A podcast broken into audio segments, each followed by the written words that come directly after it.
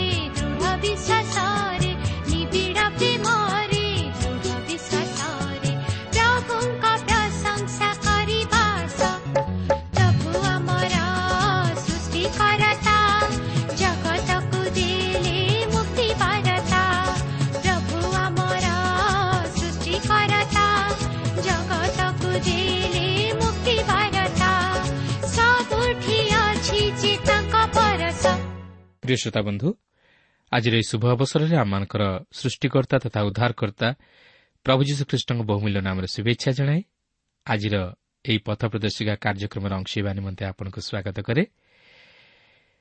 ଆପଣଙ୍କର ସହଯୋଗ ତଥା ମତାମତ ପାଇଁ ବିଶେଷ ଧନ୍ୟବାଦ। ପ୍ରଭୁ ଯୀଶୁଙ୍କ ବିଷୟରେ ଅଧିକ ଜାଣିବାର ଆପଣଙ୍କର ଆଗ୍ରହକୁ ଦେଖି ଆମେ ମଧ୍ୟ ବିଶେଷ ଖୁସି।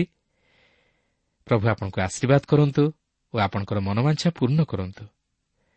ଆପଣଙ୍କର ପ୍ରାର୍ଥନାର ଅନୁରୋଧ ରକ୍ଷା କରି ଆମେ ମଧ୍ୟ ଆପଣଙ୍କ ନିମନ୍ତେ ପ୍ରାର୍ଥନା କରୁଅଛୁ। ଆଉ ସେହି ପ୍ରଭୁ ଯୀଶୁ ନିଶ୍ଚିତ ଭାବରେ ଆପଣଙ୍କର ସମସ୍ୟା ସମାଧାନ କରିବେ। ଆପଣ ଏହି କାର୍ଯ୍ୟକ୍ରମ ନିଜେ ଶୁଣନ୍ତୁ ଓ ଅନ୍ୟମାନଙ୍କୁ ଶୁଣାଇବାରେ ସାହାଯ୍ୟ କରନ୍ତୁ। ତାହେଲେ ପ୍ରଭୁ ଆପଣଙ୍କୁ ବାହୁଲ୍ୟ ରୂପରେ ଆଶୀର୍ବାଦ କରିବେ। ଆସନ୍ତୁ ତାହେଲେ ପ୍ରଭୁଙ୍କର ବାକ୍ୟ ମଧ୍ୟକୁ ଯିବା ପୂର୍ବରୁ ସଂକ୍ଷେପରେ ପ୍ରାର୍ଥନା କରିବା। ପ୍ରିୟ ପବିତ୍ର ପ୍ରଭୁ ତୁମର ପବିତ୍ର ନାମର ଧନ୍ୟବାଦ କରୁଅଛି। ସୁନ୍ଦର ସମୟ ପାଇଁ ତୁମର ଜୀବନ୍ତ ବାକ୍ୟ ପାଇଁ ପବିତ୍ର ପ୍ରଭୁ ଆମେ ଜାଣୁ ତୁମେ ଆମଙ୍କର ଜୀବିତ ଈଶ୍ୱର ପ୍ରତିଜ୍ଞାରେ ବିଶ୍ୱସ୍ତ ପରମେଶ୍ୱର ତୁମର ଆଶୀର୍ବାଦ ତୁମର ଅନୁଗ୍ରହ ତୁମର ଅନୁକମ୍ପା ଆମମାନଙ୍କ ଜୀବନ ପାଇଁ ଅତି ପ୍ରଚୁର ଯାହାର ପ୍ରତିଦାନରେ ପ୍ରଭୁ ଆମେ ତୁମକୁ କିଛି ଦେଇପାରି ନାହୁଁ କି ଦେଇ ମଧ୍ୟ ପାରିବୁ ନାହିଁ କିନ୍ତୁ ପ୍ରଭୁ ତୁମର ସେ ଦୟା ଅନୁଗ୍ରହକୁ ସ୍ମରଣ କରି ଏତେବେଳେ ପ୍ରଭୁ ଆମେ ତୁମର ନିକଟରେ ନତମସ୍ତକ ହୋଇ ପ୍ରଭୁ ଉବୁଡ଼ ହୋଇ ପ୍ରଭୁ ତୁମର ଜୟ ଜୟକାର କରୁଅଛୁ ପ୍ରଭୁ ତୁମର ବାକ୍ୟ ମଧ୍ୟ ଦେଇ ତୁମେ ଆମମାନଙ୍କୁ ସାନ୍ତ୍ୱନା ଦିଅ ଶାନ୍ତି ଦିଅ ଭରସା ଦିଅ ଏବଂ ସେହି ପରିତ୍ରାଣର ପଥରେ ଆମ ପ୍ରତ୍ୟେକଙ୍କୁ ତୁମେ କଢ଼ାଇ ନିଅ। ପ୍ରତ୍ୟେକ ଶ୍ରୋତାବନ୍ଧୁମାନଙ୍କୁ ପ୍ରଭୁ ତୁମେ ଆଶୀର୍ବାଦ କରି ପ୍ରତ୍ୟେକଙ୍କର ସମସ୍ୟା ତୁମେ ସମାଧାନ କର। ପ୍ରତ୍ୟେକଙ୍କର ସହିତ ପରମେଶ୍ୱର ପ୍ରଭୁ ତୁମେ ହୁଅ। ଏହି ସମସ୍ତ ପ୍ରାର୍ଥନା ଆମମାନଙ୍କର ଉଦ୍ଧାରକର୍ତ୍ତା ଜୀବିତ ପୁନରୁଦ୍ଧିତ ପ୍ରିୟ ପ୍ରଭୁ ଯୀଶୁଙ୍କ ନାମରେ ମାଗୁଅଛୁ। ଆମେନ୍। ଆସନ୍ତୁ ବର୍ତ୍ତମାନ ଆମେ ପ୍ରଭୁଙ୍କର ବାକ୍ୟ ମଧ୍ୟକୁ ଯିବା। ଆଜି ଆମେ ରୋମିଓ ମଣ୍ଡଳୀ ନିକଟକୁ ପ୍ରେରିତ ପାଉଲଙ୍କର ପତ୍ରର ପ୍ରଥମ ପର୍ବର ଆଠ ପଦରୁ ଆରମ୍ଭ କରି ସତର ପଦ ପର୍ଯ୍ୟନ୍ତ ଅଧ୍ୟୟନ କରିବା ନିମନ୍ତେ ଯିବା। ମୋର ଅନୁରୋଧ ଆପଣଙ୍କ ନିକଟରେ ଯଦି ପବିତ୍ର ବାଇବଲ ଅଥବା ନୂତନ ନିୟମ ଅଛି ତାହେଲେ ମୋ ସହିତ ଖୋଲନ୍ତୁ ଅଧ୍ୟୟନ କରନ୍ତୁ।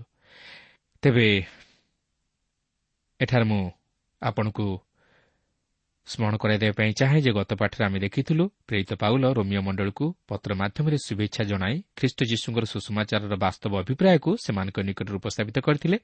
ସେହି ଶୁଭେଚ୍ଛା ମଧ୍ୟରେ ଆମେ ପ୍ରେରିତ ପାଉଲଙ୍କ ସମ୍ପର୍କରେ ଖ୍ରୀଷ୍ଟ ଯୀଶୁଙ୍କର ସୁଷମାଚାର ସମ୍ପର୍କରେ ଓ ଖ୍ରୀଷ୍ଟ ଯୀଶୁଙ୍କ ସମ୍ପର୍କରେ ଓ ଏଥିସହିତ ବିଶ୍ୱାସ ପ୍ରତି ବାଧ୍ୟତାର ସମ୍ପର୍କରେ ଆଲୋଚନା କରିଥିଲୁ ଯାହାକି ଏହି ପ୍ରେରିତ ପତ୍ରଟି ଲେଖିବାର ପଛରେ ପ୍ରେରିତ ପାଉଲଙ୍କର ବାସ୍ତବ ଅଭିପ୍ରାୟକୁ ଉପସ୍ଥାପିତ କରେ। କିନ୍ତୁ ଆଜି ଆମେ ଏହି ରୋମିଓ ପୁସ୍ତକଟିକୁ ଅଧ୍ୟୟନ କରିବା ମଧ୍ୟରେ ପାଉଲଙ୍କର ବ୍ୟକ୍ତିଗତ ଉଦ୍ଦେଶ୍ୟ ପ୍ରତି ଟିକେ ଦୃଷ୍ଟି ଦେବା। ଦେଖନ୍ତୁ ରୋମିଓ ପ୍ରଥମ ପର୍ବର ଆଠ ପଦରେ ଏହିପରି ଲେଖା ଅଛି ପ୍ରଥମରେ ତୁମମାନଙ୍କ ବିଶ୍ୱାସର ସୁସମ୍ବାଦ ଯେ ସମୁଦାୟ ଜଗତରେ ଶୁଣାଯାଉଅଛି ଏଥିନିମନ୍ତେ ମୁଁ ତୁମ ସମସ୍ତଙ୍କ ସକାଶେ ଯୀଶୁଖ୍ରୀଷ୍ଟଙ୍କ ଦ୍ୱାରା ମୋର ଈଶ୍ୱରଙ୍କୁ ଧନ୍ୟବାଦ ଦେଉଅଛି। ଈଶ୍ୱରଙ୍କ ବାକ୍ୟ ଏତେଦୂର ସେହି ରୋମ୍ ସାମ୍ରାଜ୍ୟ ମଧ୍ୟରେ ବ୍ୟାପିବାକୁ ଲାଗିଲା ଯଦ୍ୱାରା ଅନେକ ରୋମିଓ ମଧ୍ୟ ପ୍ରଭୁ ଯୀଶୁଖ୍ରୀଷ୍ଟଙ୍କ ପ୍ରତି ଫେରିଲେ ଯାହାଫଳରେ ରୋମ୍ର ସମ୍ରାଟ ମଧ୍ୟ ବିଚଳିତ ହୋଇଗଲେ ଓ ଏହାପରେ ତାଡ଼ନା ମଧ୍ୟ ଆରମ୍ଭ ହୋଇଗଲା। ପାଉଲ ଏଠାରେ ପ୍ରକାଶ କରି କହନ୍ତି ଯେ ସେମାନଙ୍କର ବିଶ୍ୱାସର ସମ୍ବାଦ ସମୁଦାୟ ଜଗତରେ ଚହଳ ପକାଇଦେଲା ଓ ଚାରିଆଡ଼େ ଘୋଷିତ ହେଲା। ବାସ୍ତବରେ ସେହି ରୋମିଓ ମଣ୍ଡଳୀର ସାକ୍ଷ୍ୟ ସମଗ୍ର ଜଗତକୁ ପ୍ରଭାବିତ କରିପାରିଥିଲା। କିନ୍ତୁ ଆଜି କ'ଣ ଆମମାନଙ୍କର ସେ ପ୍ରକାର ସାକ୍ଷ୍ୟ ମୋର ଜୀବନ ଅଛି କି? ଆଜିର ଖ୍ରୀଷ୍ଟୀୟ ମଣ୍ଡଳୀ ମଧ୍ୟରେ କ'ଣ ଏ ପ୍ରକାର ସାକ୍ଷ୍ୟ ଅଛି ଯାହାକି ଅନେକଙ୍କୁ ଖ୍ରୀଷ୍ଟଙ୍କର ନିକଟବର୍ତ୍ତୀ କରାଇପାରୁଛି ଏହାପରେ ପ୍ରଥମ ପର୍ବର ନଅ ଓ ଦଶ ପଦରେ ଏହିପରି ଲେଖା ଅଛି କାରଣ ଯେପରି କୌଣସି ପ୍ରକାରେ ଏତେ ଦିନ ପରେ ଈଶ୍ୱରଙ୍କ ଇଚ୍ଛା ହେଲେ ତୁମମାନଙ୍କ ନିକଟକୁ ଯିବା ପାଇଁ ମୁଁ ଥରେ ସୁଯୋଗ ପାଇପାରେ ଏଥିନିମନ୍ତେ ମୁଁ କିପରି ନିରନ୍ତର ତୁମମାନଙ୍କ ନାମ ଉଲ୍ଲେଖ କରି ମୋର ସମସ୍ତ ପ୍ରାର୍ଥନାରେ ସର୍ବଦା ନିବେଦନ କରି ଆସୁଅଛି ସେ ବିଷୟରେ ଯେଉଁ ଈଶ୍ୱରଙ୍କୁ ମୁଁ ମୋର ଆତ୍ମା ଦେଇ ତାହାଙ୍କ ପୁତ୍ରଙ୍କ ସୁଷମାଚାରରେ ସେବା କରେ ସେ ମୋର ସାକ୍ଷୀ ଅଟନ୍ତି। ଏଠାରେ ଆପଣ ଲକ୍ଷ୍ୟ କରିବେ ପାଉଲ କହନ୍ତି ପୁତ୍ରଙ୍କ ସୁଷମାଚାର ଅର୍ଥାତ୍ ପ୍ରଭୁ ଶ୍ରୀଖ୍ରୀଷ୍ଟଙ୍କର ସୁଷମାଚାର। କିନ୍ତୁ ଆପଣ ଯଦି ଏହି ରୋମିଓ ପ୍ରଥମ ପର୍ବର ପ୍ରଥମ ପଦଟିକୁ ଲକ୍ଷ୍ୟ କରିବେ ତାହେଲେ ସେଠାରେ ଈଶ୍ୱରଙ୍କର ସୁଷମାଚାର ବୋଲି ଉଲ୍ଲେଖ ହୋଇଅଛି। ମାତ୍ର ପରେ ସେ ସେହି ସୁଷମାଚାରକୁ ନିଜର ସୁଷମାଚାର ବୋଲି ମଧ୍ୟ ପ୍ରକାଶ କରନ୍ତି। ସେ ଯେ ସେହି ରୋମିଓ ବିଶ୍ୱାସୀମାନଙ୍କ ନିମନ୍ତେ ନିରନ୍ତର ପ୍ରାର୍ଥନା କରି ଆସୁଅଛନ୍ତି ତାହା ସେ ଏଠାରେ ପ୍ରକାଶ କରନ୍ତି। ପାଉଲ ସେହି ରୋମ୍କୁ ଯିବା ନିମନ୍ତେ ଓ ସେହି ଯାତ୍ରାର ସଫଳତା ନିମନ୍ତେ ନିରନ୍ତର ପ୍ରାର୍ଥନା କରୁଅଛନ୍ତି। କିନ୍ତୁ ଆମେ ଯଦି ପ୍ରେରିତ ପୁସ୍ତକଟିକୁ ଅଧ୍ୟୟନ କରିବା ତାହେଲେ ଆମେ ଜାଣିପାରିବା ଯେ ପ୍ରେରିତ ପାଉଲଙ୍କର ସେହି ରୋମ୍କୁ ଯାତ୍ରା କରିବା ଏତେ ଆନନ୍ଦଦାୟକ ନଥିଲା। କାରଣ ସେ ଜଣେ ବନ୍ଦୀ ରୂପେ ରୋମ୍କୁ ଯାତ୍ରା କଲେ ଓ ଏକ ଭୟଙ୍କର ସାମୁଦ୍ରିକ ଝଡ଼ର ସମ୍ମୁଖୀନ ହେଲେ। ସେହି ଜାହାଜଟି ମଧ୍ୟ ଭାଙ୍ଗି ଯାଇଥିଲା ଓ ଯେତେବେଳେ ସେ ଏକ ସ୍ଥଳରେ ପଦାର୍ପଣ କଲେ ସେତେବେଳେ ତାହାଙ୍କୁ ଏକ କାଳସର୍ପ ମଧ୍ୟ ଦଂଶନ କରିଥିଲା। ତଥାପି ଏହି ସମସ୍ତ ବାଧାବିଘ୍ନ ତଥା ପ୍ରତିବନ୍ଧକ ସତ୍ତ୍ୱେ ମଧ୍ୟ ଏହା ଏକ ସଫଳତାର ଯାତ୍ରା ଥିଲା।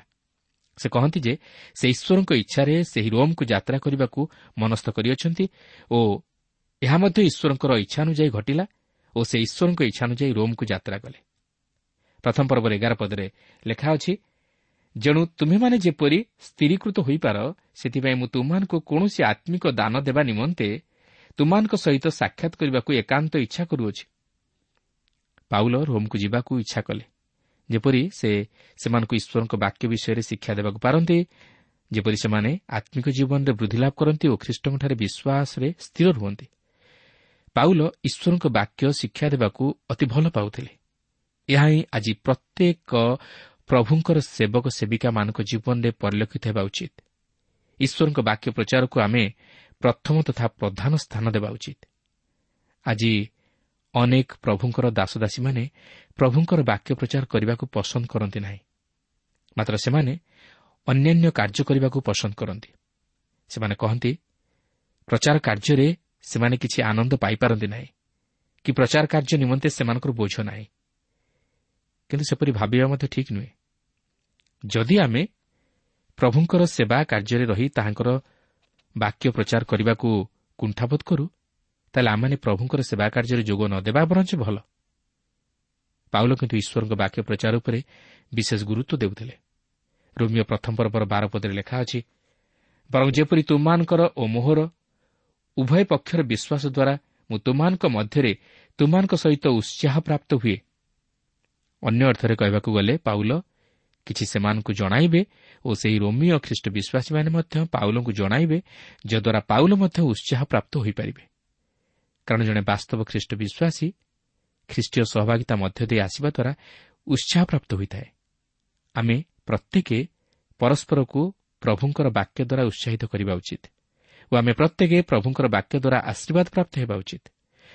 ପାଉଲ କେବଳ ସେମାନଙ୍କୁ ଈଶ୍ୱରଙ୍କ ବାକ୍ୟ ଦେଇ ଉତ୍ସାହ ଦେବାକୁ ଚାହିଁନଥିଲେ ମାତ୍ର ସେ ମଧ୍ୟ ସେମାନଙ୍କର ସହଭାଗିତାରେ ଆସି ସେମାନଙ୍କଠାରୁ ଉତ୍ସାହଜନକ ବାକ୍ୟ ତଥା ସାକ୍ଷ୍ୟ ଶୁଣିବାକୁ ଚାହିଁଥିଲେ। ରୋମିଓ ପ୍ରଥମ ପର୍ବର ତେର ପଦରେ ଲେଖା ଅଛି ହେ ଭାଇମାନେ ଅବଶିଷ୍ଟ ବିଜାତିମାନଙ୍କ ମଧ୍ୟରେ ଯେ ପ୍ରକାରେ ତୁମମାନଙ୍କ ମଧ୍ୟରେ ସୁଦ୍ଧା ସେହି ପ୍ରକାରେ ମୁଁ ଯେପରି କିଛି ଫଳ ପ୍ରାପ୍ତ ହୋଇପାରେ ସେଥିନିମନ୍ତେ ତୁମମାନଙ୍କ ନିକଟକୁ ଯିବା ପାଇଁ ମୁଁ ଯେ ଥରକୁ ଥର ମନସ୍ଥ କରିଥିଲି କିନ୍ତୁ ଏପର୍ଯ୍ୟନ୍ତ ବାଧାପ୍ରାପ୍ତ ହୋଇ ଆସିଅଛି ସେ ବିଷୟରେ ଯେ ତୁମମାନେ ଅଜ୍ଞ ଥାଅ ଏହା ମୋର ଇଚ୍ଛା ନୁହେଁ। ପାଉଲ ଯଦିଓ ରୋମିଓ ମଣ୍ଡଳୀ ନିକଟକୁ ଯିବାକୁ ଚାହୁଁଥିଲେ ମାତ୍ର ସେ ସୁଯୋଗ ପାଉନଥିଲେ ଓ ସଦାବେଳେ ପ୍ରତିବନ୍ଧକର ସମ୍ମୁଖୀନ ହେଉଥିଲେ। ଏହା ହିଁ ସେମାନଙ୍କୁ ଜଣାଇ ଦେବାକୁ ଚାହିଁଥିଲେ।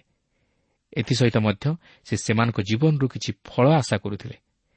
କାରଣ ସେହି ରୋମ୍ ସାମ୍ରାଜ୍ୟ ମଧ୍ୟରେ ସେ ଯେଉଁମାନଙ୍କୁ ସାକ୍ଷାତ କରି ଖ୍ରୀଷ୍ଟଙ୍କର ନିକଟବର୍ତ୍ତୀ କରାଇଥିଲେ ଏପରି ବିଶ୍ୱାସୀମାନେ ମଧ୍ୟ ସେହି ମଣ୍ଡଳୀ ମଧ୍ୟରେ ଥିଲେ ଓ ସେ ସେମାନଙ୍କ ଜୀବନରୁ କିଛି ଫଳ ଆଶା କରୁଥିଲେ।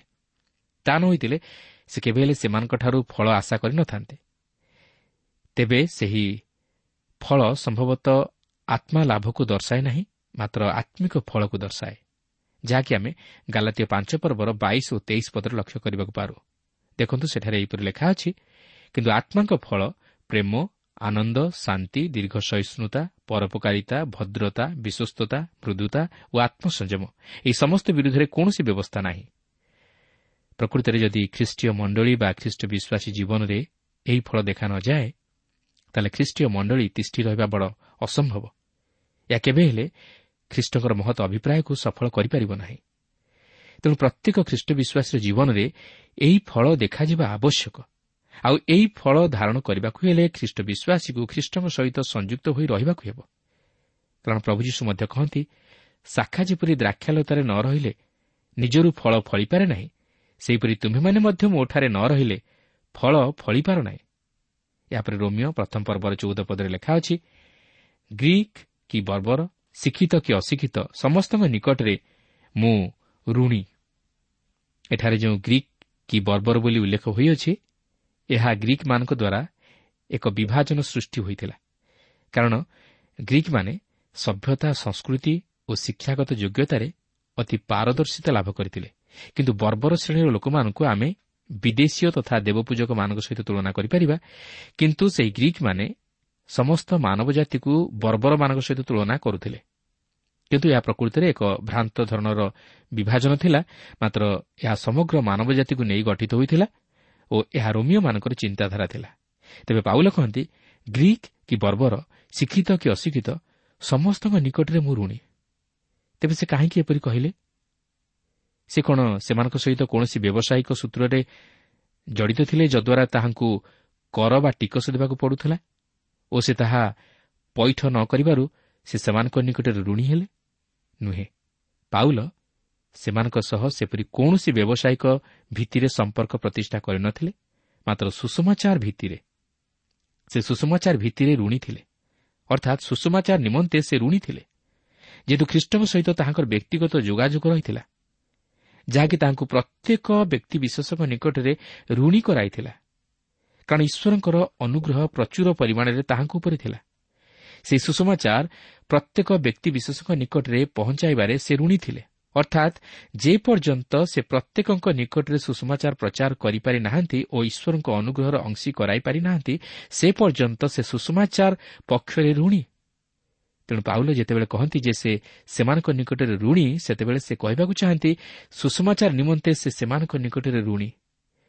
ତେଣୁକରି ଏହା ମଧ୍ୟ ଆଉ ଏକ କାରଣ ଯେଉଁଥିପାଇଁ ପ୍ରେରିତ ପାଉଲ ରୋମ୍କୁ ଯିବା ପାଇଁ ଇଚ୍ଛା କରିଥିଲେ। ଏହାପରେ ରୋମିଓ ପ୍ରଥମ ପର୍ବର ପନ୍ଦର ପଦରେ ଲେଖା ଅଛି ଅତଏବ ରୋମ୍ବାସୀ ଯେ ତୁମେମାନେ ତୁମାନଙ୍କ ନିକଟରେ ମଧ୍ୟ ସୁଷମାଚାର ପ୍ରଚାର କରିବାକୁ ମୁଁ ଇଚ୍ଛୁକ ଅଟେ। ଏଥିପୂର୍ବରୁ ପାଉଲ କହୁଥିଲେ ଯେ ସେ ସେମାନଙ୍କ ନିକଟରେ ଋଣୀ। କିନ୍ତୁ ବର୍ତ୍ତମାନ ସେ ସେହି ଋଣ ପରିଶୋଧ କରିବା ନିମନ୍ତେ ଚାହାନ୍ତି। ଆଉ ତାହା ହେଉଛି ଖ୍ରୀଷ୍ଟଙ୍କ ସୁଷମାଚାର ପ୍ରଚାର କରିବା ଦ୍ୱାରା। ଅନ୍ୟ ଅର୍ଥରେ କହିବାକୁ ଗଲେ ପାଉଲ କହନ୍ତି ମୁଁ ସେହି ସୁଷମାଚାର ପ୍ରଚାର କରିବା ନିମନ୍ତେ ପ୍ରସ୍ତୁତ ଅଛି। ତେବେ ପାଉଲ ଯଦିଓ ରୋମ୍ବାସୀମାନଙ୍କ ମଧ୍ୟରେ ସୁଷମାଚାର ପ୍ରଚାର କରିବା ନିମନ୍ତେ ଇଚ୍ଛୁକ ଥିଲେ ମାତ୍ର ପରିସ୍ଥିତି ତାହାଙ୍କ ନିମନ୍ତେ ଅନୁକୂଳଜନକ ନଥିଲା। ବାସ୍ତବରେ ଈଶ୍ୱରଙ୍କ ବାକ୍ୟ ପ୍ରଚାର କରିବାରେ ପାଉଲ କେତେ ଉଦ୍ୟୋଗୀ ନଥିଲେ। ତେବେ ଆଜି ଆମେ ଈଶ୍ୱରଙ୍କ ବାକ୍ୟ ପ୍ରଚାର କରିବାରେ କେତେଦୂର ଉଦ୍ୟୋଗୀ ହେବା ଉଚିତ? ଏହାପରେ ଏହି ପ୍ରଥମ ପର୍ବର ଷୋହଳ ସତର ପଦରେ ଆମେ ଏହି ପତ୍ରଟିର ବିଷୟବସ୍ତୁକୁ ବୁଝିବା ନିମନ୍ତେ ଏକ ଚାବିକାଠି ପାଉ। ଦେଖନ୍ତୁ ରୋମିଓ ପ୍ରଥମ ପର୍ବର ଷୋହଳ ସତର ପଦରେ ଏହିପରି ଲେଖା ଅଛି କାରଣ ମୁଁ ସୁଷମାଚାର ସମ୍ବନ୍ଧରେ ଲଜ୍ଜାବୋଧ କରେ ନାହିଁ ଯେଣୁ ତାହା ପ୍ରତ୍ୟେକ ବିଶ୍ୱାସୀ ପକ୍ଷରେ ପରିତାଣ ନିମନ୍ତେ ଈଶ୍ୱରଙ୍କ ଶକ୍ତି ଅଟେ। ପ୍ରଥମତଃ ଜିଉଦୀ ପକ୍ଷରେ ଆଉ ମଧ୍ୟ ଗ୍ରୀକ୍ ପକ୍ଷରେ। ସେଥିରେ ତ ଈଶ୍ୱର ଦତ୍ତ ଧାର୍ମିକତା ପ୍ରକାଶିତ ହେଉଅଛି ତାହା ବିଶ୍ୱାସମୂଳକ ଓ ବିଶ୍ୱାସଜନକ। ଯେପରି ଲେଖା ଅଛି ଧାର୍ମିକ ବିଶ୍ୱାସ ଦ୍ୱାରା ବଞ୍ଚିବ। ଏଠାରେ ପାଉଲ କହନ୍ତି ମୁଁ ସୁଷମାଚାର ସମ୍ବନ୍ଧରେ ଲଜ୍ଜାବୋଧ କରେ ନାହିଁ। ଏଥିପୂର୍ବରୁ ସେ କହନ୍ତି ଯେ ମୁଁ ଋଣୀ। ତାପରେ କହନ୍ତି ମୁଁ ଇଚ୍ଛୁକ ଅଟେ। ଓ ବର୍ତ୍ତମାନ ସେ କହନ୍ତି ମୁଁ ଲଜ୍ଜାବୋଧ କରେ ନାହିଁ। ଏହା ହିଁ ଥିଲା ପାଉଲଙ୍କର ତିନୋଟି ଲକ୍ଷ୍ୟ। ଯେପରି ସେ ପ୍ରତ୍ୟେକଙ୍କ ନିକଟରେ ସୁଷମାଚାର ପହଞ୍ଚାଇ ପାରନ୍ତି ଓ ପ୍ରତ୍ୟେକଙ୍କୁ ଖ୍ରୀଷ୍ଟଙ୍କର ନିକଟବର୍ତ୍ତୀ କରାଇପାରନ୍ତି ଓ ପ୍ରତ୍ୟେକଙ୍କୁ ଖ୍ରୀଷ୍ଟଙ୍କର ବଶୀଭୂତ କରାଇପାରନ୍ତି କିନ୍ତୁ ଏଠାରେ ପ୍ରଶ୍ନ ଉଠେ କାହିଁକି ପାଉଲ କହନ୍ତି ଯେ ସେ ସୁଷମାଚାର ସମ୍ବନ୍ଧରେ ଲଜ୍ଜାବୋଧ କରନ୍ତି ନାହିଁ? କାରଣ ସେହି ସମୟରେ ରୋମ୍ ସଭ୍ୟତାରେ ଶିକ୍ଷାଗତ ଯୋଗ୍ୟତାରେ ସଂସ୍କୃତିରେ ମଧ୍ୟ ଅତି ଶୀର୍ଷ ସ୍ଥାନରେ ପହଞ୍ଚି ଯାଇଥିଲା। ଖ୍ରୀଷ୍ଟଙ୍କ ସୁଷମାଚାର ପ୍ରତି ଲୋକମାନଙ୍କ ମନରେ ଏକ ଉଦାସୀନତା ଓ ଶିଥିଳତା ଦେଖାଦେଇଥିଲା। ସେମାନେ ସୁଷମାଚାରକୁ ଅତି ନ୍ୟୁନ ଦୃଷ୍ଟିରେ ଦେଖୁଥିଲେ ଓ ସୁଷମାଚାର ପ୍ରଚାରକମାନଙ୍କୁ ଅତି ଘୃଣା ଦୃଷ୍ଟିରେ ଦେଖୁଥିଲେ। ସୁଷମାଚାରର ସତ୍ୟତା ଓ ଶକ୍ତିକୁ ସେହି ରୋମ୍ବାସୀ ଉପଲବ୍ଧି କରିପାରି ନଥିଲେ ଯେପରି ଆଜି ଅନେକଙ୍କର ମନରେ ଖ୍ରୀଷ୍ଟଙ୍କ ସୁଷମାଚାର ପ୍ରତି ଏକ ବିତୃଷ୍ଣା ଭାବ ଦେଖାଯାଏ ଓ ସେମାନେ ସୁଷମାଚାର ପ୍ରଚାରକମାନଙ୍କୁ ଏକ ଘୃଣା ଦୃଷ୍ଟିରେ ଦେଖନ୍ତି ଓ ଅନେକ ଥଟ୍ଟା ପରିହାସ କରନ୍ତି। ତେଣୁକରି ପାଉଲ କହନ୍ତି ଯେ ସେ ସେହି ସୁଷମାଚାର ସମ୍ବନ୍ଧରେ ଲଜ୍ଜିତ ନୁହନ୍ତି। କାରଣ ତାହା ପ୍ରତ୍ୟେକ ବିଶ୍ୱାସୀ ପକ୍ଷରେ ପରିତାଣ ନିମନ୍ତେ ଈଶ୍ୱରଙ୍କ ଶକ୍ତି ଅଟେ ଯେହେତୁ ଏହା ଈଶ୍ୱରଙ୍କ ଶକ୍ତିର କାର୍ଯ୍ୟ ସାଧନ କରେ କାରଣ ସେହି ସୁଷମାଚାରରେ ବିଶ୍ୱାସ କରିବା ଦ୍ୱାରା ତାହା ଈଶ୍ୱରଦତ୍ତ ଧାର୍ମିକତା ସାଧନ କରେ ତେଣୁ ଏଠାରେ ଆମେ ଦେଖିବାକୁ ପାରୁଛୁ ଯେ ସୁଷମାଚାରରେ ଈଶ୍ୱରଙ୍କ ଶକ୍ତି ରହିଅଛି ଯେଉଁ ଶକ୍ତି କି ଐଶ୍ୱରିକ ଓ ଏହା ସ୍ୱର୍ଗୀୟ। ଏହି ଶକ୍ତି ପରିତାଣ ସାଧନ କରିବାରେ ସହାୟକ ହୋଇଥାଏ। ଅନ୍ତଃକରଣ ପରିବର୍ତ୍ତନରେ ସହାୟକ ହୋଇଥାଏ। ଶୈତାନର ଶକ୍ତି ଉପରେ ଏକ ବିଜୟୀ ଜୀବନ ଯାପନ କରିବା ନିମନ୍ତେ ଶକ୍ତି ଯୋଗାଇଥାଏ ଓ ଶୈତାନର ହସ୍ତରୁ ମନୁଷ୍ୟକୁ ଉଦ୍ଧାର କରିଥାଏ। ପାପରୁ ଉଦ୍ଧାର କରି ସେହି ଅନନ୍ତ ଜୀବନର ଅଧିକାରୀ କରାଇଥାଏ। ତାହା ହିଁ ହେଉଛି ସୁଷମାଚାରର ଅନ୍ତିମ ଲକ୍ଷ୍ୟ ଓ ଫଳାଫଳ। ଏହି ସୁଷମାଚାର ଈଶ୍ୱରଦତ୍ତ ଧାର୍ମିକତା ସାଧନ କରେ ଆଉ ତାହା କେବଳ ଖ୍ରୀଷ୍ଟଙ୍କଠାରେ ବିଶ୍ୱାସ କରିବା ଦ୍ୱାରା। ପ୍ରଥମତଃ ଜିହୁଦୀ ପକ୍ଷରେ ଆଉ ମଧ୍ୟ ଗ୍ରୀକ୍ ପକ୍ଷରେ। ଏହାର ଅର୍ଥ କ'ଣ? ଏହାର ଅର୍ଥ ଏହା ପ୍ରତ୍ୟେକ ଖ୍ରୀଷ୍ଟ ବିଶ୍ୱାସୀଙ୍କ ପକ୍ଷରେ ଶକ୍ତିର କାର୍ଯ୍ୟ ସାଧନ କରେ। ଏହା ପ୍ରତ୍ୟେକ ମାନବ ଜାତି ନିମନ୍ତେ ଉଦ୍ଦିଷ୍ଟ। ଯେକୌଣସି ଧର୍ମ ବା ଜାତିର ଲୋକ ସେ ଯେ କେହି ହେଉନା କାହିଁକି ସେ ଏହି ସୁଷମାଚାରରେ ବିଶ୍ୱାସ କଲେ ପରିତ୍ରାଣ ପ୍ରାପ୍ତ ହେବ। ଏହା ବ୍ୟକ୍ତିଗତ ଓ ପ୍ରତ୍ୟେକ ବ୍ୟକ୍ତିବିଶେଷଙ୍କ ନିମନ୍ତେ ଉଦ୍ଦିଷ୍ଟ ଯେଉଁମାନେ ଏହି ସୁଷମାଚାରରେ ବିଶ୍ୱାସ କରନ୍ତି। ସେମାନଙ୍କ ଜୀବନରେ ଈଶ୍ୱରଙ୍କ ଶକ୍ତିର କାର୍ଯ୍ୟ ସାଧିତ ହୁଏ। ସେମାନେ ପରିତ୍ରାଣର ଅଧିକାରୀ ହୁଅନ୍ତି ଓ ଖ୍ରୀଷ୍ଟଙ୍କଠାରେ ବିଶ୍ୱାସ କରିବା ଦ୍ୱାରା ଈଶ୍ୱରଙ୍କ ନିକଟରେ ଧାର୍ମିକ ବୋଲି ବିବେଚିତ ହୁଅନ୍ତି। ଏହି ସୁଯୋଗ ପ୍ରତ୍ୟେକଙ୍କୁ ଦିଆଯାଇଅଛି ମାତ୍ର ଏହା ବିଶ୍ୱାସୀମାନଙ୍କ ମଧ୍ୟରେ ସୀମିତ ରଖାଯାଇଅଛି। କାରଣ ଯେ କେହି ଏହି ସୁଷମାଚାରରେ ବିଶ୍ୱାସ କରେ ସେ ଉଦ୍ଧାର ପାଏ। ମାତ୍ର ଯିଏ ଅବିଶ୍ୱାସ କରେ ସେ ଉଦ୍ଧାର ପାଏ ନାହିଁ। ସେଥିପାଇଁ ଜୋହନ ତିନି ପର୍ବର ଷୋହଳ ପଦରେ ଲେଖା ଅଛି କାରଣ ଈଶ୍ୱର ଜଗତକୁ ଏଡ଼େ ପ୍ରେମ କଲେ ଯେ ସେ ଆପଣର ଅଦ୍ୱିତୀୟ ପୁତ୍ରଙ୍କୁ ଦାନ କଲେ। ଯେପରି ଯେ କେହି ତାଙ୍କଠାରେ ବିଶ୍ୱାସ କରେ ସେ ବିନଷ୍ଟ ନ ହୋଇ ଅନନ୍ତ ଜୀବନ ପ୍ରାପ୍ତ ହୁଏ। ତେଣୁକରି ପରିତ୍ରାଣ ପ୍ରାପ୍ତ ହେବାକୁ ହେଲେ ଆମମାନଙ୍କର ବିଶ୍ୱାସ ଆବଶ୍ୟକ। କାରଣ ଧାର୍ମିକ ବିଶ୍ୱାସ ଦ୍ୱାରା ବଞ୍ଚିବ। ଆଉ ସେହି ଖ୍ରୀଷ୍ଟଙ୍କଠାରେ ବିଶ୍ୱାସ କରିବା ଦ୍ୱାରା ମନୁଷ୍ୟ ଈଶ୍ୱରଙ୍କ ଦୃଷ୍ଟିରେ ଧାର୍ମିକ ବୋଲି ବିବେଚିତ ହୋଇପାରିବ। କାରଣ ମନୁଷ୍ୟ ଈଶ୍ୱରଙ୍କର ଗ୍ରାହ୍ୟ ଧାର୍ମିକତା ସାଧନ କରି ନ ପାରିବାରୁ ସେହି ପ୍ରଭୁ ଯୀଶୁଖ୍ରୀଷ୍ଟ ଆମମାନଙ୍କ ନିମନ୍ତେ ତାହା ସାଧନ କଲେ ଯେପରି ଆମେ ନିଜର ଧର୍ମକର୍ମ ବା କ୍ରିୟାକର୍ମ ନେଇ ନୁହେଁ କିନ୍ତୁ ଖ୍ରୀଷ୍ଟଙ୍କଠାରେ ବିଶ୍ୱାସ କରିବା ଦ୍ୱାରା ପାପରୁ ଉଦ୍ଧାର ପାଇ ଈଶ୍ୱରଙ୍କ ଦୃଷ୍ଟିରେ ଧାର୍ମିକ ବୋଲି ବିବେଚିତ ହେଉ। ଆଉ ତାହା ସେହି ପାପ କ୍ଷମା ଓ ପରିତାଣର ଅନୁଭୂତି ମଧ୍ୟ ଦେଇ। ତେବେ ଏଠାରେ ପାଉଲ ଯେଉଁ ଈଶ୍ୱରଦତ୍ତ ଧାର୍ମିକତା ବିଷୟ ନେଇ ପ୍ରକାଶ କରନ୍ତି ସେହି ଧାର୍ମିକତା ଈଶ୍ୱରଙ୍କର ନୁହେଁ ମାତ୍ର ଈଶ୍ୱରଙ୍କଠାରୁ ଆମ୍ଭେମାନେ ପ୍ରାପ୍ତ ହୋଇଥାଉ। ଆଉ ତାହା କେବଳ ପ୍ରଭୁ ଯୀଶୁଖ୍ରୀଷ୍ଟଙ୍କଠାରେ ବିଶ୍ୱାସ କରିବା ଦ୍ୱାରା। ଏହି ଧାର୍ମିକତା ଯାହାକି ଈଶ୍ୱର ମନୁଷ୍ୟଠାରୁ ଦାବି କରନ୍ତି ଏବଂ ଏହି ଧାର୍ମିକତା ଯାହାକି ଈଶ୍ୱର ମନୁଷ୍ୟକୁ ପ୍ରଦାନ କରନ୍ତି ଓ ଏହି ଧାର୍ମିକତା ଈଶ୍ୱରଙ୍କଠାରୁ ଆସିଥାଏ। କିନ୍ତୁ ମନୁଷ୍ୟ ନିଜର କ୍ରିୟାକର୍ମ ନେଇ ଧାର୍ମିକ ଗଣିତ ହୋଇପାରିବ ନାହିଁ। ଯେହେତୁ ମନୁଷ୍ୟର ଧର୍ମକର୍ମ ସଢ଼ା କୁଟାର ନ୍ୟାୟ ତାହା ଈଶ୍ୱରଙ୍କର ଗ୍ରାହ୍ୟ ଧାର୍ମିକତା ସାଧନ କରିପାରେ ନାହିଁ। ସେଥିପାଇଁ ଜିସାୟା ଚଉଷଠି ପର୍ବର ଛଅ ପଦରେ ଲେଖା ଅଛି କାରଣ ଆମ୍ଭେ ସମସ୍ତେ ଅସୁଚି ଲୋକତୁଲ୍ୟ ହୋଇଅଛୁ ଓ ଆମମାନଙ୍କର ଧର୍ମକର୍ମ ସବୁ ଅସୁଚି ବସ୍ତ୍ରତୁଲ୍ୟ ଅଟେ ଓ ଆମେ ସମସ୍ତେ ପତ୍ରତୁଲ୍ୟ ଜୀର୍ଣ୍ଣ ହେଉଅଛୁ। ଆଉ ଆମମାନଙ୍କର ଅପରାଧ ସବୁ ବାୟୁ ପରି ଆମମାନଙ୍କୁ ଉଡ଼ାଇ ନିଏ। ତେଣୁକରି ପାଉଲ ଯେତେବେଳେ ଈଶ୍ୱରଦତ୍ତ ଧାର୍ମିକତା ବିଷୟ ନେଇ ଉଲ୍ଲେଖ କରନ୍ତି ସେତେବେଳେ ସେ ଈଶ୍ୱରଙ୍କର ଧାର୍ମିକତା ନେଇ ପ୍ରକାଶ କରନ୍ତି ନାହିଁ ମାତ୍ର ସେ ସେହି ଧାର୍ମିକତା ବିଷୟ ନେଇ ପ୍ରକାଶ କରନ୍ତି ଯାହାକି ସେ ଖ୍ରୀଷ୍ଟଙ୍କ ମାଧ୍ୟମରେ ଆଜି ସମଗ୍ର ମାନବ ଜାତି ପ୍ରତି ତାହା ସାଧନ କରିଅଛନ୍ତି। ଆଉ ତାହା ହେଉଛି ବିଶ୍ୱାସ ଦ୍ୱାରା ଧାର୍ମିକ ଗଣିତ ହେବା। ଅର୍ଥାତ୍ ଖ୍ରୀଷ୍ଟଙ୍କଠାରେ ବିଶ୍ୱାସ କରି ତାହାଙ୍କୁ ଉଦ୍ଧାରକର୍ତ୍ତା ରୂପେ ଗ୍ରହଣ କରି ତାହାଙ୍କ ଧାର୍ମିକତା ଦ୍ୱାରା ଧାର୍ମିକ ଗଣିତ ହେବା। ଅର୍ଥାତ୍ ଖ୍ରୀଷ୍ଟଙ୍କ ଧାର୍ମିକତା ଦ୍ୱାରା ଧାର୍ମିକ ଗଣିତ ହେବା। ସେଥିପାଇଁ ଫିଲିପିଓ ତିନି ପର୍ବର ନଅ ପଦରେ ଲେଖା ଅଛି ପୁଣି ବ୍ୟବସ୍ଥା ପାଳନ ହେତୁ ନିଜର ଧାର୍ମିକତା ପ୍ରାପ୍ତ ନ ହୋଇ ବରଂ ଯେପରି ଖ୍ରୀଷ୍ଟଙ୍କଠାରେ ବିଶ୍ୱାସ ଦ୍ୱାରା ଈଶ୍ୱର ଦତ୍ତ ବିଶ୍ୱାସମୂଳକ ଧାର୍ମିକତା ପ୍ରାପ୍ତ ହୁଏ ତେଣୁ ଏହା ହେଉଛି ଏକ ବିଶ୍ୱାସମୂଳକ ଧାର୍ମିକତା ଯାହାକି ଖ୍ରୀଷ୍ଟଙ୍କଠାରେ ବିଶ୍ୱାସ କରିବା ଦ୍ୱାରା ମନୁଷ୍ୟ ପ୍ରାପ୍ତ ହୋଇଥାଏ। କିନ୍ତୁ ଏହି ସମସ୍ତ ପଛରେ ସେହି ସୁଷମାଚାରର ଶକ୍ତି କାର୍ଯ୍ୟ କରେ। ସେଥିପାଇଁ ରୋମିଓ ଦଶ ପର୍ବର ସତର ପଦରେ ଲେଖା ଅଛି ଅତଏ ବିଶ୍ୱାସ ଶ୍ରବଣରୁ ଜାତ ହୁଏ ଓ ଶ୍ରବଣ ଖ୍ରୀଷ୍ଟଙ୍କ ବାକ୍ୟ ଦ୍ୱାରା ହୁଏ। ତେଣୁ ଯେପର୍ଯ୍ୟନ୍ତ ଆମେ ଖ୍ରୀଷ୍ଟଙ୍କ ସୁଷମାଚାର ଶୁଣିନାହୁଁ ଓ ତହିଁରେ ବିଶ୍ୱାସ ସ୍ଥାପନ କରିନାହୁଁ ସେ ପର୍ଯ୍ୟନ୍ତ ଆମେ ପ୍ରଭୁ ଯୀଶୁଖ୍ରୀଷ୍ଟଙ୍କର ବାସ୍ତବ ପରିଚୟ ପାଇପାରିବା ନାହିଁ କି ପାପରୁ ଉଦ୍ଧାର ପାଇ ଈଶ୍ୱରଙ୍କ ନିକଟରେ ଧାର୍ମିକ ବୋଲି ବିବେଚିତ ହୋଇପାରିବା ନାହିଁ। କାରଣ ମନୁଷ୍ୟର କ୍ରିୟାକର୍ମ ଈଶ୍ୱରଙ୍କର ଗ୍ରାହ୍ୟ ଧାର୍ମିକତା ସାଧନ କରିପାରେ ନାହିଁ। ମାତ୍ର ଖ୍ରୀଷ୍ଟଙ୍କଠାରେ ବିଶ୍ୱାସମୂଳକ ଧାର୍ମିକତା ଈଶ୍ୱରଙ୍କ ଗ୍ରାହ୍ୟ ଧାର୍ମିକତା ସାଧନ କରିଥାଏ। କାରଣ ଧାର୍ମିକ ବିଶ୍ୱାସ ଦ୍ୱାରା ବଞ୍ଚିବ। ଯେହେତୁ ସେହି ପ୍ରଭୁ ଶ୍ରୀଖ୍ରୀଷ୍ଟ ପାପୀ ମନୁଷ୍ୟ ନିମନ୍ତେ ଧାର୍ମିକତା ସାଧନ କରିଅଛନ୍ତି। ଈଶ୍ୱର ଖ୍ରୀଷ୍ଟଙ୍କଠାରେ ସେହି ପାପୀକୁ ଦେଖନ୍ତି ଓ ତାହାକୁ ଗ୍ରହଣ କରନ୍ତି କାରଣ ସେ ଖ୍ରୀଷ୍ଟଙ୍କ ମାଧ୍ୟମରେ ପାପୀ ମନୁଷ୍ୟ ନିମନ୍ତେ ସେହି ଉଦ୍ଧାର ଓ ଧାର୍ମିକତା ସାଧନ କରିଅଛନ୍ତି। ତାହା ବିଶ୍ୱାସମୂଳକ ଓ ବିଶ୍ୱାସଜନକ ଅର୍ଥାତ୍ ବିଶ୍ୱାସରୁ ବିଶ୍ୱାସ। ଏହାର ଅର୍ଥ ହେଉଛି ଈଶ୍ୱର ବିଶ୍ୱାସ ଦ୍ୱାରା ଆପଣଙ୍କୁ ଉଦ୍ଧାର କରନ୍ତି ଓ ଆପଣ ବିଶ୍ୱାସରେ ଚାଲନ୍ତି। ବିଶ୍ୱାସରେ ଜୀବନ ବିତାନ୍ତି ବିଶ୍ୱାସରେ ମୃତ୍ୟୁଭୋଗ କରନ୍ତି ଓ ବିଶ୍ୱାସରେ ମଧ୍ୟ ସେହି ସ୍ୱର୍ଗ ରାଜ୍ୟରେ ପ୍ରବେଶ କରିବେ। ସତର ପଦରେ ଲକ୍ଷ୍ୟ କରିବେ ଲେଖା ଅଛି ବୋଲି ଏକ ଶବ୍ଦ ପ୍ରୟୋଗ କରାଯାଇଅଛି। ତେବେ ଧାର୍ମିକ ବିଶ୍ୱାସ ଦ୍ୱାରା ବଞ୍ଚିବ ଏହି ଉକ୍ତିଟି ପୁରାତନ ନିୟମର ହବକୁ ଦୁଇ ପର୍ବର ଚାରିପଦରୁ ଉଦ୍ଧୃତ ହୋଇଅଛି। କିନ୍ତୁ ନୂତନ ନିୟମରେ ଆପଣ ଏହି ଉକ୍ତି ରୋମିଓ ଗାଲାତୀୟ ଓ ଏବ୍ରି ପତ୍ରରେ ଲକ୍ଷ୍ୟ କରିବାକୁ ପାରିବେ। ତେବେ ଧାର୍ମିକ ବିଶ୍ୱାସ ଦ୍ୱାରା ବଞ୍ଚିବ। ଏହି ଉକ୍ତିର ତାତ୍ପର୍ଯ୍ୟ କ'ଣ? ଏହାର ତାତ୍ପର୍ଯ୍ୟ ହେଉଛି ଜଣେ ପାପୀ ଖ୍ରୀଷ୍ଟଙ୍କଠାରେ ବିଶ୍ୱାସ କରିବା ଦ୍ୱାରା କେବଳ ନିଜର ପାପରୁ ଉଦ୍ଧାର ପାଏ ନାହିଁ ମାତ୍ର ସେ ପାପରୁ ଉଦ୍ଧାର ପାଇବା ସଙ୍ଗେ ସଙ୍ଗେ ଖ୍ରୀଷ୍ଟଙ୍କ ଧାର୍ମିକତା ଦ୍ୱାରା ଈଶ୍ୱରଙ୍କ ଦୃଷ୍ଟିରେ ଧାର୍ମିକ ବୋଲି ଗଣିତ ହୁଏ। ସେଥିପାଇଁ ରୋମିଓ ଚାରିପର୍ବର ପଚିଶ ପଦରେ ଲେଖା ଅଛି ସେହି ଯୀଶୁ ଆମମାନଙ୍କ ଅପରାଧ ନିମନ୍ତେ ସମର୍ପିତ ହେଲେ ପୁଣି ଆମ୍ଭେମାନେ ଧାର୍ମିକ ଗଣିତ ହେବା ନିମନ୍ତେ ଉତ୍ଥାପିତ ହେଲେ। କାହିଁକି ଜାଣନ୍ତି? ଯେପରି ଆମ୍ଭେମାନେ ଖ୍ରୀଷ୍ଟଙ୍କଠାରେ ବିଶ୍ୱାସ କରିବା ଦ୍ୱାରା ଈଶ୍ୱରଙ୍କ ନିକଟରେ ଧାର୍ମିକ ବୋଲି ଗଣିତ ହେବାକୁ ପାରୁ।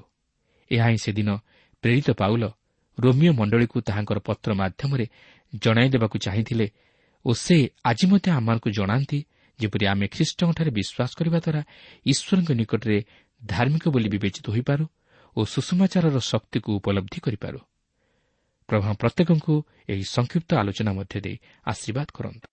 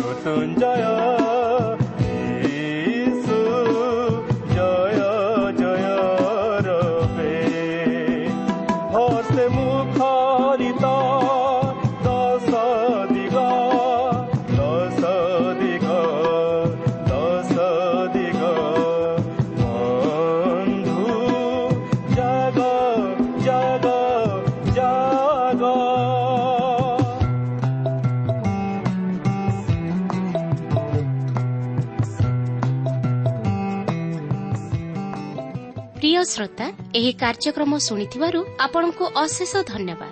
ଏହି କାର୍ଯ୍ୟକ୍ରମ ଆପଣଙ୍କୁ କିପରି ଲାଗିଲା ଓ କେଉଁ ବିଷୟଟି ଆପଣଙ୍କ ହୃଦୟକୁ ଅଧିକ ସ୍ପର୍ଶ କରିଛି ତାହା ଲେଖି ଜଣାଇଲେ ଆମେ ବିଶେଷ ଉପକୃତ ହେବୁ। ଯଦି କିଛି ପ୍ରଶ୍ନ ବା ସନ୍ଦେହ ଥାଏ ତାହା ପତ୍ର ମାଧ୍ୟମରେ ଅଥବା ଟେଲିଫୋନ ଯୋଗେ ଆମକୁ ଜଣାନ୍ତୁ।